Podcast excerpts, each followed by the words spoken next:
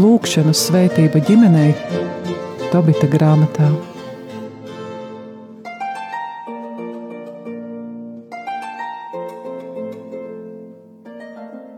Lai top slavēts Jēzus Kristus. Mūžīgi mūžos, amen. Studijā Stela un Anžela. Kā turpinam lasīt Tobita grāmatu. Pagājušajā reizē, ja atceramies, Nu, Tobijs panāca savu, piedabūja Rafaelu runāt ar Raguēlu, lai dod sāru viņam par sievu. Un tiek noslēgts laulību kontrakts. Nedaudz runājam arī par šo laulības nozīmi un vecajā derībā, cik tā ir būtiska. Un uh, problēmu radīja šis notikums ar tiem septiņiem vīriem, uh, Bet nu, redzējām arī, kā jaunajā derībā Jēzus dod tādu atbildi, kā tur ir. Jo viņam uzdeva tādu pavadinošu jautājumu. Nu, tur arī bija viņi saduķēji. Nu, kā tad būs, ja kādai sievietei ir bijuši tie septiņi vīri, kam tad viņa būs tā sieva? Un problēma saduķējiem bija tāda, ka viņi neticēja, ka ir augšām celšanās, kas viņus atšķīra no citiem arī vecās derības ticīgajiem, kur jau sāka iezīmēties ideja par augšām celšanos, un ja mēs lasītu Salamana gudrības grāmatu, kas arī ir deuterokanoniskā grāmata un ir tapusi kāds divus gadsimtus pirms Kristus, nu, tad tur jau mēs redzam iezīmi, eh, kad ir radusies ticība, ka cilvēks celsies augšā. Un mēs varam saprast, ja mēs vairāk pētām jauno derību, ka augšām celšanās nozīmē, ka cilvēks būs citādāks, viņam būs citādāka miesa, viņš ķermeniski būs citādāks, kas ņem līdzi arī to, ka viņš arī kā garīga būtne būs savādāks, viņa intelekts būs jau savādāks, kā mēs to varam redzēt arī tai pašā Marka evaņģēlijā, jo šī līdzība par tas šī nelīdzība, bet šis jautājums, ar kuru Jēzus atbild saducējiem, kur viņi būtībā kārdina, viņš atbild Marka evaņģēlijā, tas ir arī vēl arī Mateja un Lūkas, tātad visos trijos sinoptiskajos, viņš atbild, kad, jo, kad tie celsies augšā no miroņiem, tad tie nec precēs, nec taps precēt, bet to būs kā eņģeļa debesīs, un iepriekš mēs jau redzējām un pētījām jautājumu par eņģeļiem, ka viņu arī, viņi ir savādāki, viņiem ir augstāks pakāpes intelekts, arī pārvietošanās spējas, Un arī Marka evanģēlīja beigās, kad Jēzus ir jau augšām cēlies, mēs varam redzēt, kad viņš parādās vienkārši pa priekšu Marijai Magdalēnai, un viņi iet un pasludina. Tālāk, 16. marka, 12. pants, pēc tam, kad divi no tiem staigā, Jēzus tiem uz lauka ejot, parādījās citā veidā. Tā tad viņam nav ierobežojumu parādīties citā veidā. Vēl citā vietā mēs lasām evaņģēlijos, ka viņš iet caur slēgtām durvīm. Arī sākumā ceļā uz zemes mācekļi viņu neatpazīst.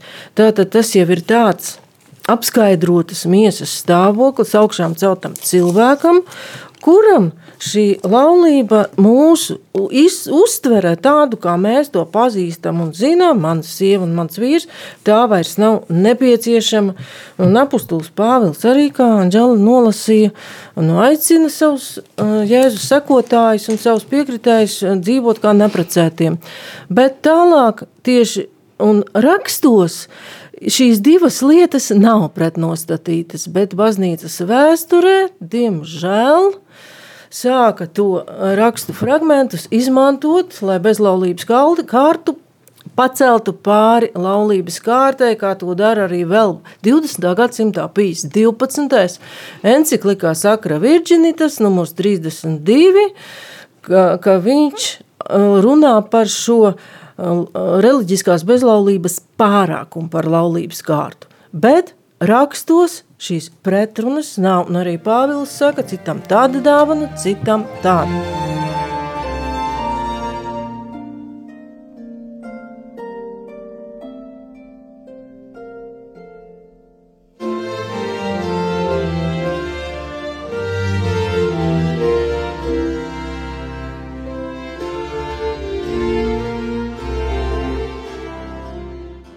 Un arī šeit mēs varētu vēl pie tā izlasīt arī tādu interesantu lasījumu no Jāņa evangēlija, ja? Jā, tur no arī. trešās nodaļas.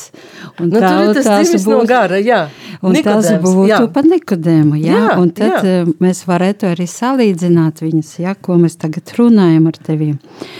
Tātad, Mm, Jēzus atbildēja, un viņam sacīja: Patiesi, patiesi es tev saku, ja kas nepiedzimst no jauna, tas nespēja redzēt dieva valstību. Nikodēms viņam sacīja: Kā var cilvēks piedzimt, piedzimt vecs būdams? Vai tad var otrreiz iet savas mātes miesās un piedzimt? Jēzus atbildēja: Patiesi, patiesi es tev saku, tas, kurš nepiedzimst no ūdens un gara, nevar ieiet Dieva valstībā. Kas piedzimis no miesas, ir miesa, un kas piedzimis no gara, ir gars. Nebrīnies, ka es tev sacīju, jums jāpiedzimst no jauna.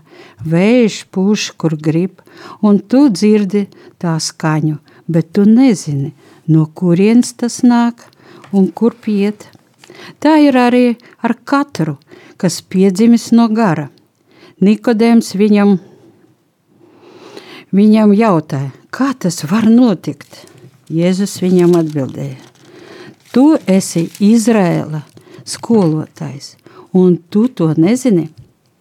Patiesi, patiesi es tev saku, mēs runājam to, ko nezinām, ko zinām, un liecinām to, ko esam redzējuši, bet jūs mūsu liecību nepieņemat. Ja es jums runāju par zemes lietām, un jūs neticat, kā jūs ieticēsiet tad, kad es runāšu par debesu lietām? Jo neviens nav uzkāpis debesīs, kā vienīgi tas, kas no debesīm nokāpis, cilvēka dēls. Un, un kā mūzis šus, ko ir paaugstinājis tūkstnesi, tāpat jāto paaugstinātam cilvēka dēlam. Paldies! Tā kā arī šeit mēs redzam, ka Jēzus runā par piedzimšanu no ūdens un gara, un mēs jau kā jaunās darības cilvēki redzam tur kristības sakramentu. Un arī šeit nav Un arī nodalīts. iestiprināšanas. Jā, pilnīgi sakraments. pareizi, jo nāk vasaras svētki. Un arī šeit nav nošķīruma, ka um, būtu atšķirīga pieeja pie visām šīm žēlastībām, piedzimšanas no augšienes, atšķirīga uh, No iespēja jā, uh, uh, precētiem vai neprecētiem. Tātad visi var uh, saņemt šo kristību žēlastību un dzīvot dažādās Un saņemt arī svēto garu. Un saņemt svēto lai garu. varētu Jā, sekot Kristu. Jā, un to var laulāts pāris, un to var vientuļais, un to var arī uh, reliģiskā Kristus persona. sekotais, jā. Jā, tā kā arī šeit šī nošķīruma nav kā, kā ļoti labs fragments.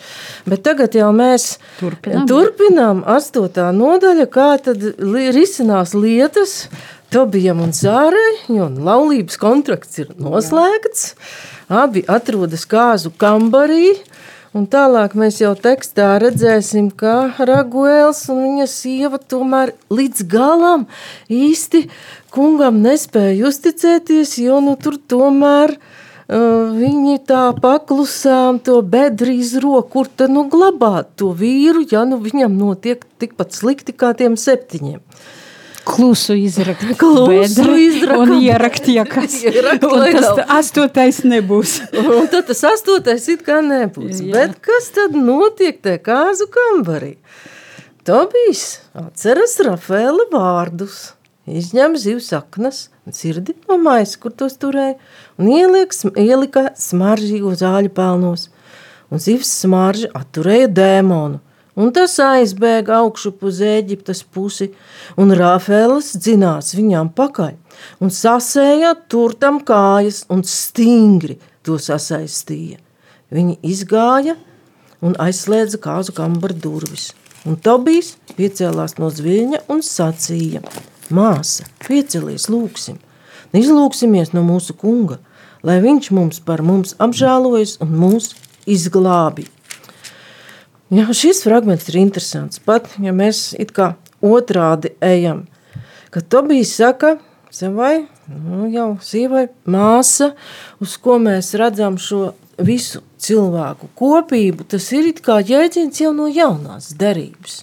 Ja no tādas cilvēku kopības, kur nav šī nošķīruma, mans vīrs, mana sieva, tavs, mans. Viņa uzrunā kā māsu. Un kas tad tur īsti notiek? Viņš dara, kā ir teicis Rafaels, kaut gan viņš neatpazīst vēl eņģeli. Nu, dēmons aizbēg uz Eģiptes pusi. Un redzam, kā Tobijs izdara to, kas nu cilvēkam ir paredzēts. Viņš rīkojas ar tām zivs aknām, un sirdi, jeb kas nu tur bija, un ieliek viņas tai skvēpināmās zālēs. Bet savukārt persona, kas ir nākusi no debesīm, ir eņģelis, kurš spēja pieņemt jebkuru veidu, un tur viņš ir pieņēmis jaunekļa azarijas veidu, izdara to, kas viņam ir pavēlēts. Viņš saista šo dēmonu. Nu, jā, šeit varētu vēl izlasīt mm -hmm. arī no Mateja evaņģēlija atgādināt, ja, mm -hmm. ka nešķīstā gara iemājošana cilvēkā. Kad nešķīstais gars no cilvēka ir izgājis, tas apstaigāja izkaltušas vietas. Mek, izklu, e, jā, vietas, un tas varētu būt tuksnesis, ko mēs jau izlasījām Tobita grāmatā, meklējams mieru, bet neatrod. Tad tas saka, es atgriezīšos savā mājoklī, no kura izgāju, un atnācis viņš atrod to brīvu, izslaucītu un uzpostu. Tad viņš iet un ņem sev līdzi septiņus citus garus, par sevi ļaunākus, un iegājuši tie tur mājo. Un beigās šim cilvēkam kļūst daudz ļaunāk nekā bija sākumā. Tā notiks arī šai ļaunajai paudzei. Paldies! Tātad te var saprast, ka runa par cilvēkiem, kuriem reiz šis ļaunais gars ir izdzīts. Nu, vienreiz tā dvēseles telpa, sirds telpa ir iztīrīta, bet viņš, šis cilvēks, nekopis savas attiecības ar Dievu. Viņš dzīvo tā, ka ceļš atpakaļ uz to iecienīto māju vietu ļaunajam garam ir atvērts. Mums varētu rasties arī jautājums, nu kāpēc Tobijam ir jādarās tur ar kaut kādām zivs uh, iekšā, un vai tiešām viņas ir tik dziedniecisks. Vai jau iepriekš minēja, tajā laikā cilvēki ticēja, ka atsevišķas dzīvnieku sastāvdaļas ir cietnieciskas. Nereti tam bija kāds pamats, nereti nē. Bet te nav domāts, ka tieši šīs materiālās lietas uzvar bezķermenisku dēmonu. Tās ir materiālas lietas, zivs iekšas. Bet dēmons ir arī ļaunais gars. Te ir norādīts uz brīnumu, kuru Dievs veids caur materiālām lietām. Dievs ir tas, kas darbojas caur šo darbību, caur tām aknām un, un zivs sirdi un kvēpināmo, jo sapratām, ka kvēpināmais var būt jau saistīts ar lūkšanu, un varam atcerēties, ka tāda materiāla lieta tika izmantota, arī Dievs caur to varētu darboties skaitļu grāmatā. Ja, tur arī bija tāds notikums, ka cilvēki mīra un bija lielas briesmas. Skaitļu grāmatā 21. nodaļa arī, tur uz tā tiek augstu pacelts tāds ļoti nepatīkams dzīvnieciņš, no kura mēs parasti, ja mežā satiekam, nu, brr, labāk tālāk. Un tas ir stāsts par vara čūsku. Man liekas, te jau par čūsku arī mēs mazliet jau dzirdējām. 21 skaitļu grāmatā un 8. Jo tur čūskas kož Izrēlo, Izrēļu tautu, jo, kad tauta kurn ir neapmierināta, ka kungs viņus izvedis no Ēģiptes, un tad pa kurnēšanu tas kungs uzsūtīja tautai dzēlīgs čūskas, tas sakot, ka tautu, daudz no Izraēla tautas nomira. Tad tauta nāca pie Mūzus, mēs ar saviem vārdiem esam grēkojuši pret to kungu, pret tevi. Lūdzu to kungu, lai viņš mums atņem tās čūskas. Nu te tauta atzīst, ka viņi ir grēkojuši pret kungu, ka tā kurnēšana ir bijusi nevietām bijis grēks, tad Mūzes aizlūdz par tautu, un kungs sacīja uz Mūzu: Darini sev čūskas tēlu liec to par zīmi, un katrs, kas sakosts un to uzlūkos, tas dzīvos. Un Mūzes izveidoja vāra čūsku, un viņš to uzcēla par zīmi. Un notika, ja čūska kādu sakoda, tad tas uzlūkoja vāra čūsku un palika dzīves.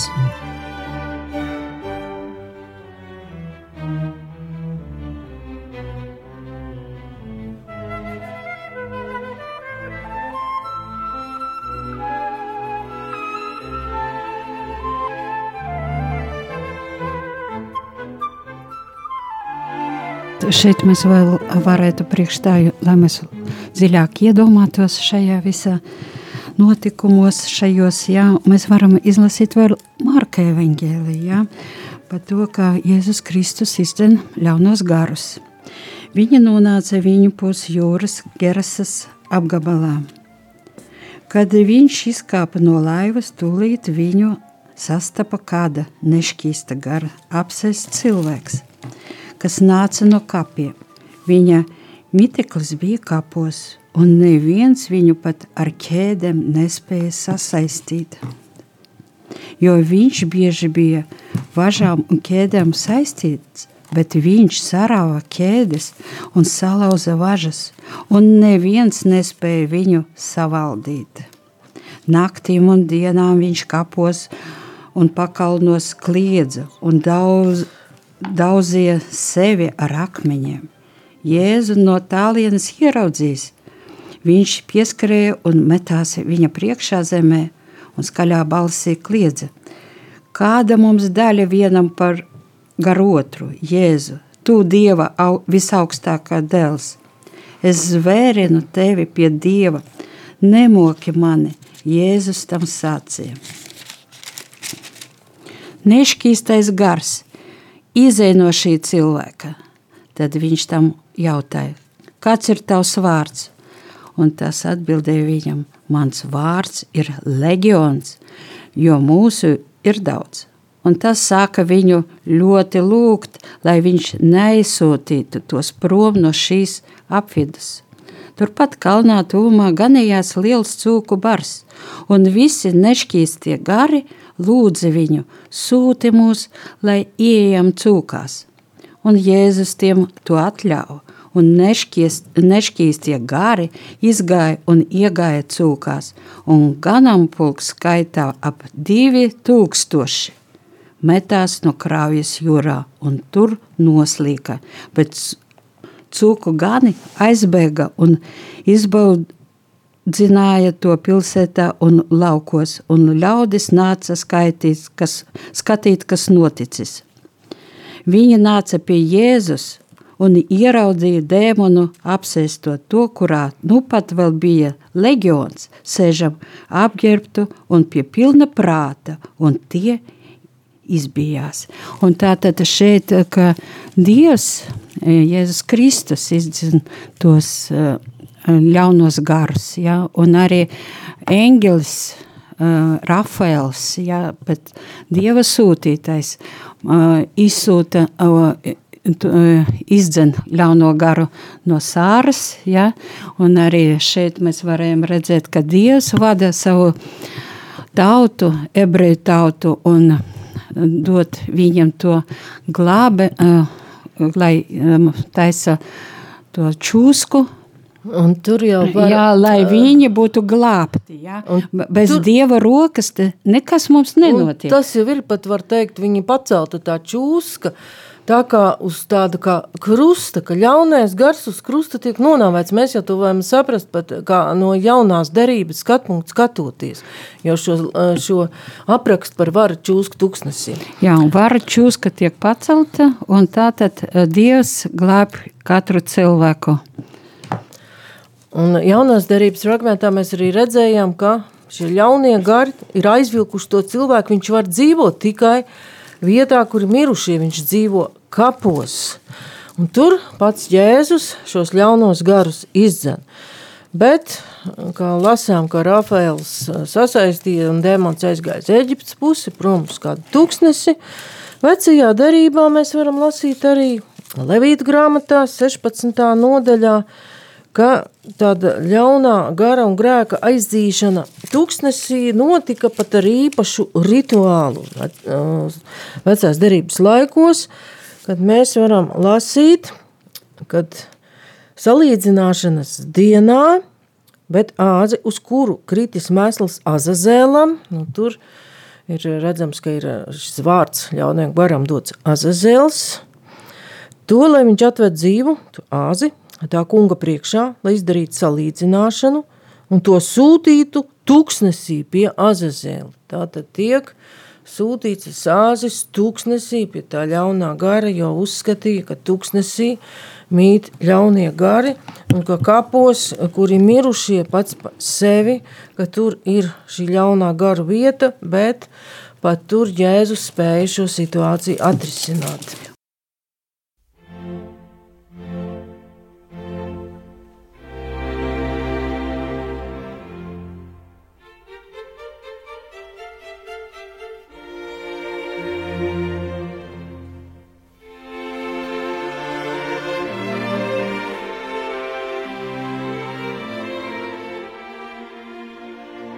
Un arī šeit, atkārtota likuma grāmatā, mēs varam lasīt 16. Eh, nodaļā, jā, ka mēs lasām tā, atkārtota likuma grāmata, 16. nodaļa, un mums ir atkārtota likuma 28. nodaļa, jā.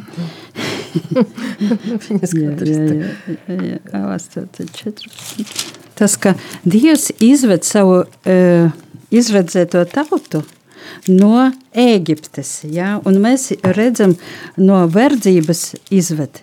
Un tagad ļaunais gars tiek sūtīts jā, viņš uz Eģiptes atpakaļ uz Eģiptu. Jā, viņš aiziet jā, no turienes, un, no kurienes izgājis. Jā, un tur, kur ir verdzība, tur, kur ir uh, pārbaudījumi, kur viņš arī pārbauda, ko mēs varam lasīt arī Mateja uh, 4. nodaļā. Par Jēzus kārdināšanu tūkstnesī. Jā, jā, Tad gars aizveda Jēzu tūkstnesī, kad viņš tiktu vēlna kārdināts. Kad viņš bija gavējis 40 dienas un 40 naktis, viņš izsalka. Kārdinātais piestājās viņam un sacīja. Un mēs jau ļoti labi atceramies, ka viņš sāka kārdināt Jēzu, kurš visus kārdinājumus bija Viņš pārvar, un pārvar. viņš pārvar Dieva vārdu, viņš atgādina ļaunajām garām, uh, Piemēram, par maizi viņš atgādina 8. 8. nodaļu, vārdus 8. nodaļā, atkārtotā likuma grāmatā, ka ne no maizes vien dzīvo cilvēks. Un redzam, ka ļaunais gars kārdina Jēzu, kad nu, viņš ir nu, relatīvi teikt, vājāks, vājš, viņš nav ēdis 40 dienas, viņš ir gavējis. Bet arī interesanti, mēs šeit papildus par to pašu tūkstnesi, kurš ir pārbaudījums, kas e, mēs visi tiekam arī pārbaudīti. Katram ir savs laiks, arī jēkaba vēstule mēs varam lastī, lasīt, bet ik vienu kārdina viņa paša iekāres, kas to ar ēsmu pievilina un velk sev līdzi. Tā nu iekāra ieņemdama dzemdē grēku, bet grēks nobriestot dzemdē nāvi. Nekrītiet maldos, mani mīļotie brāļi. Jebkurš labs devums un jebkura pilnīga dāvana nāk no augšienes, no gaismas teva, kas ir pastāvīgs un nav mainīgs kā ēna. Paldies! Kā arī Jēkabs parāda to mehānismu, kā tas ļaunais gars, vai kad viņam ir vesels bars jau līdz, atkal ieviešas tajā sirds mājā, kas ir jau iztīrīta un uzposta, kur jau lasījām iepriekš. Un arī šeit varētu izlasīt arī Jēkaba vēstulē. Pirmajā nodaļā, 12. pantā. Laimīgs tas vīrs, kas iztur kārdināšanu, jo pārbaudi izturējis, viņš saņems dzīvības vainagu, kas apsolīts tiem, kas mīl kungu. Paldies! Nu, varam redzēt, ka arī šeit Tobijam nav jācīnās pāri viņa spēkiem. Viņš izdara to, ko viņš ir spējīgs izdarīt, un eņģēlis sasaist šo ļauno garu. Arī kā Jāņa atklāsmes grāmatā teikts. Es redzēju eņģeli nokāpjam no debesīm, un tam bija rokā bezdibeņa atslēga un liela ķēde – Viņš satvēra puķi veco čūsku, kas ir velns un sātans, un sasēja to uz tūkstošu gadiem. Iemeta to bezdibenī, aizslēdz to un uzlika zīmogu virsū, lai tas nepieviltu vairs tautas, kamēr būs pagājuši tūkstoši gadi.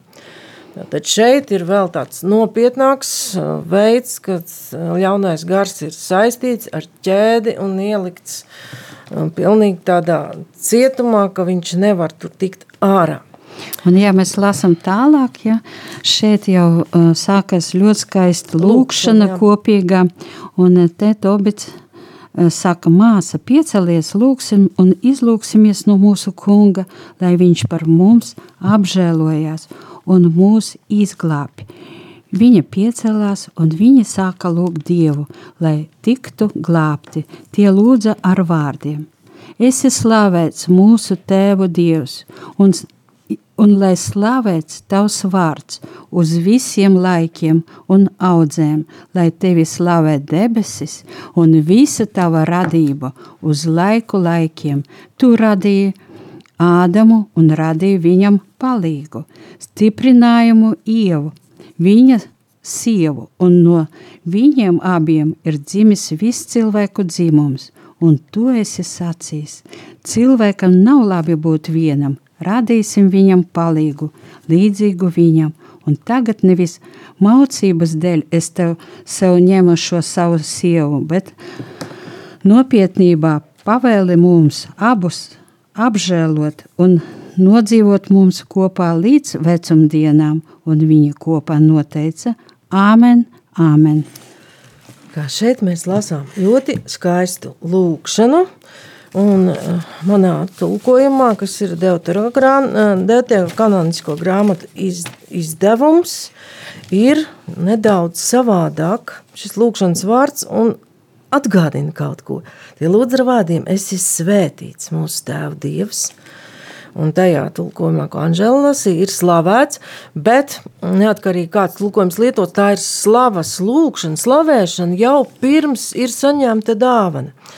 Bet šajā manā tulkojumā, Dētora kanonisko grāmatu izdevums, esi svētīts mūsu Tēva Dievs, lai svētīts tavs vārds uz visiem laikiem un audzēm, lai tevi slavē debesis un viss tava radība uz laiku laikiem. Nu, šajā tulkojumā pat sasaucas ar kunga lūkšanu.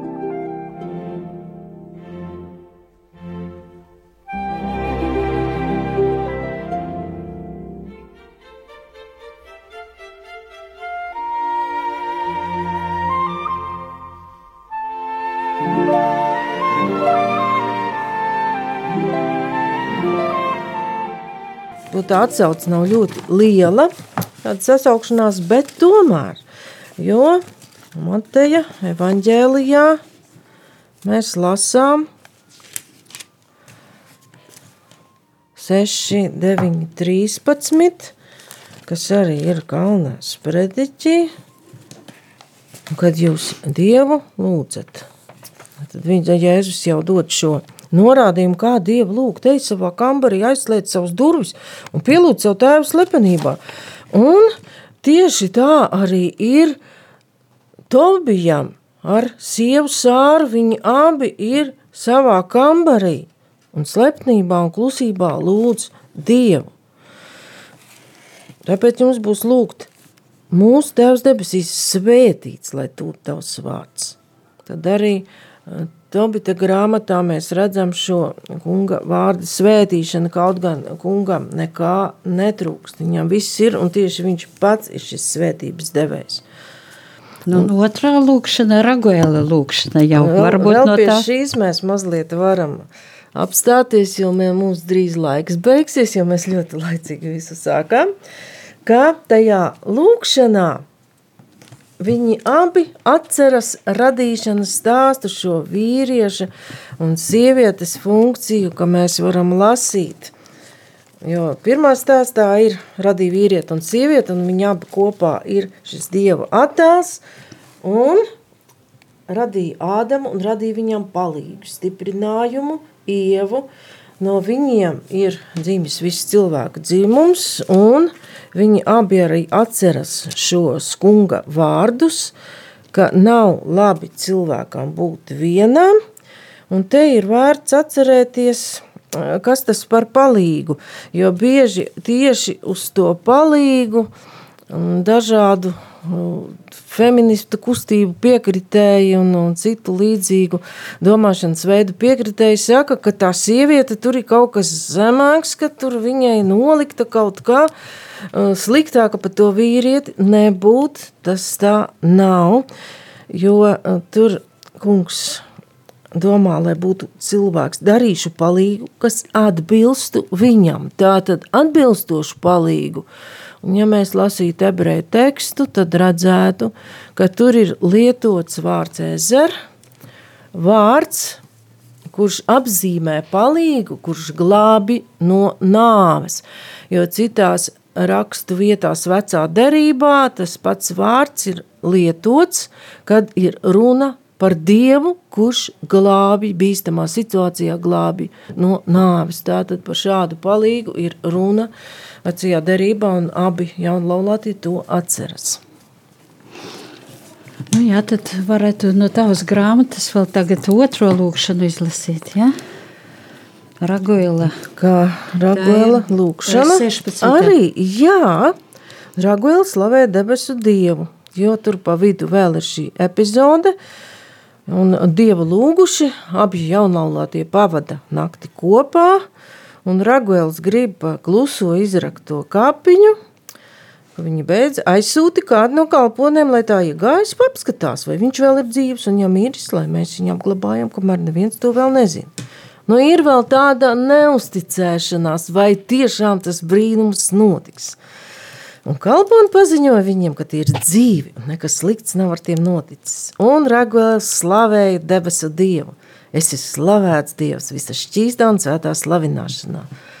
Lai tevi slavē, tavi svētie, un visa tava radība, un visi tavi eņģeļi un tavi izradzētie uz visiem laiku laikiem.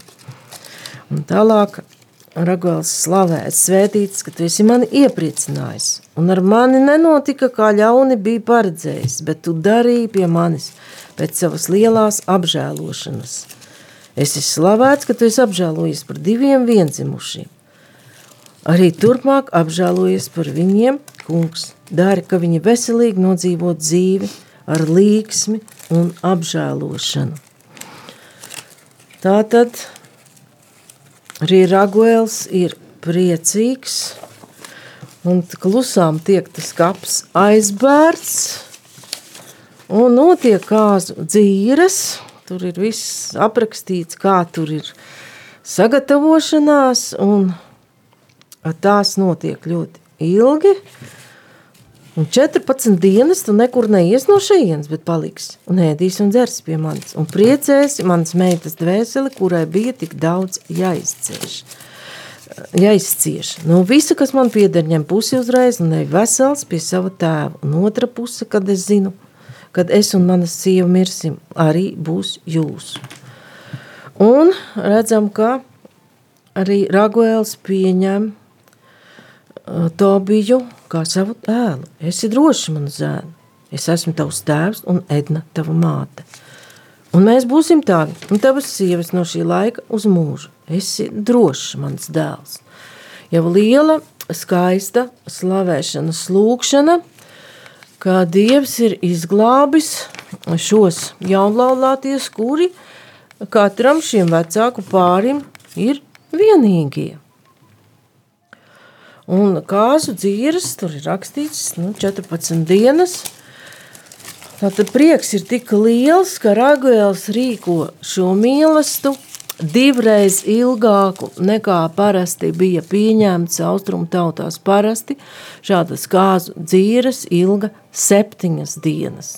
Bet tur ir tā prieka pārpilnība divas reizes septiņi, it kā tas prieks būtu no katras šīs ģimenes, Raguēla un arī Tobita, kad abi bērni ir veseli un laimīgi savienoti laulības saitē. Abi vēl, kas piebilstams?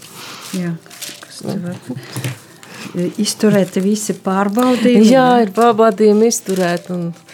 un viss ļoti labi beidzās viss. Un te var lasīt uh, no atklāsmes grāmatas, 21. nodaļas.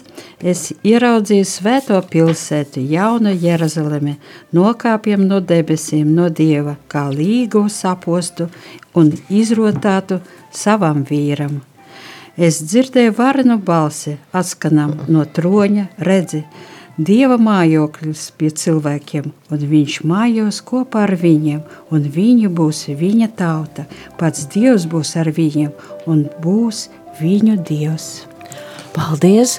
Un šis atklāsmes grāmatas teksts šeit pat ļoti iederas. Tieši jo šī cilvēku laulība un kāzas dzīves ir tāds pirmtēls šai dieva un viņa tautas laulībai, kur būs arī šī pilnīgi jaunā fiziskā, garīgā, var teikt arī intelektuālā realitāte. Bet šodien paldies par uzmanību. Studijā bija Stela un Anģela.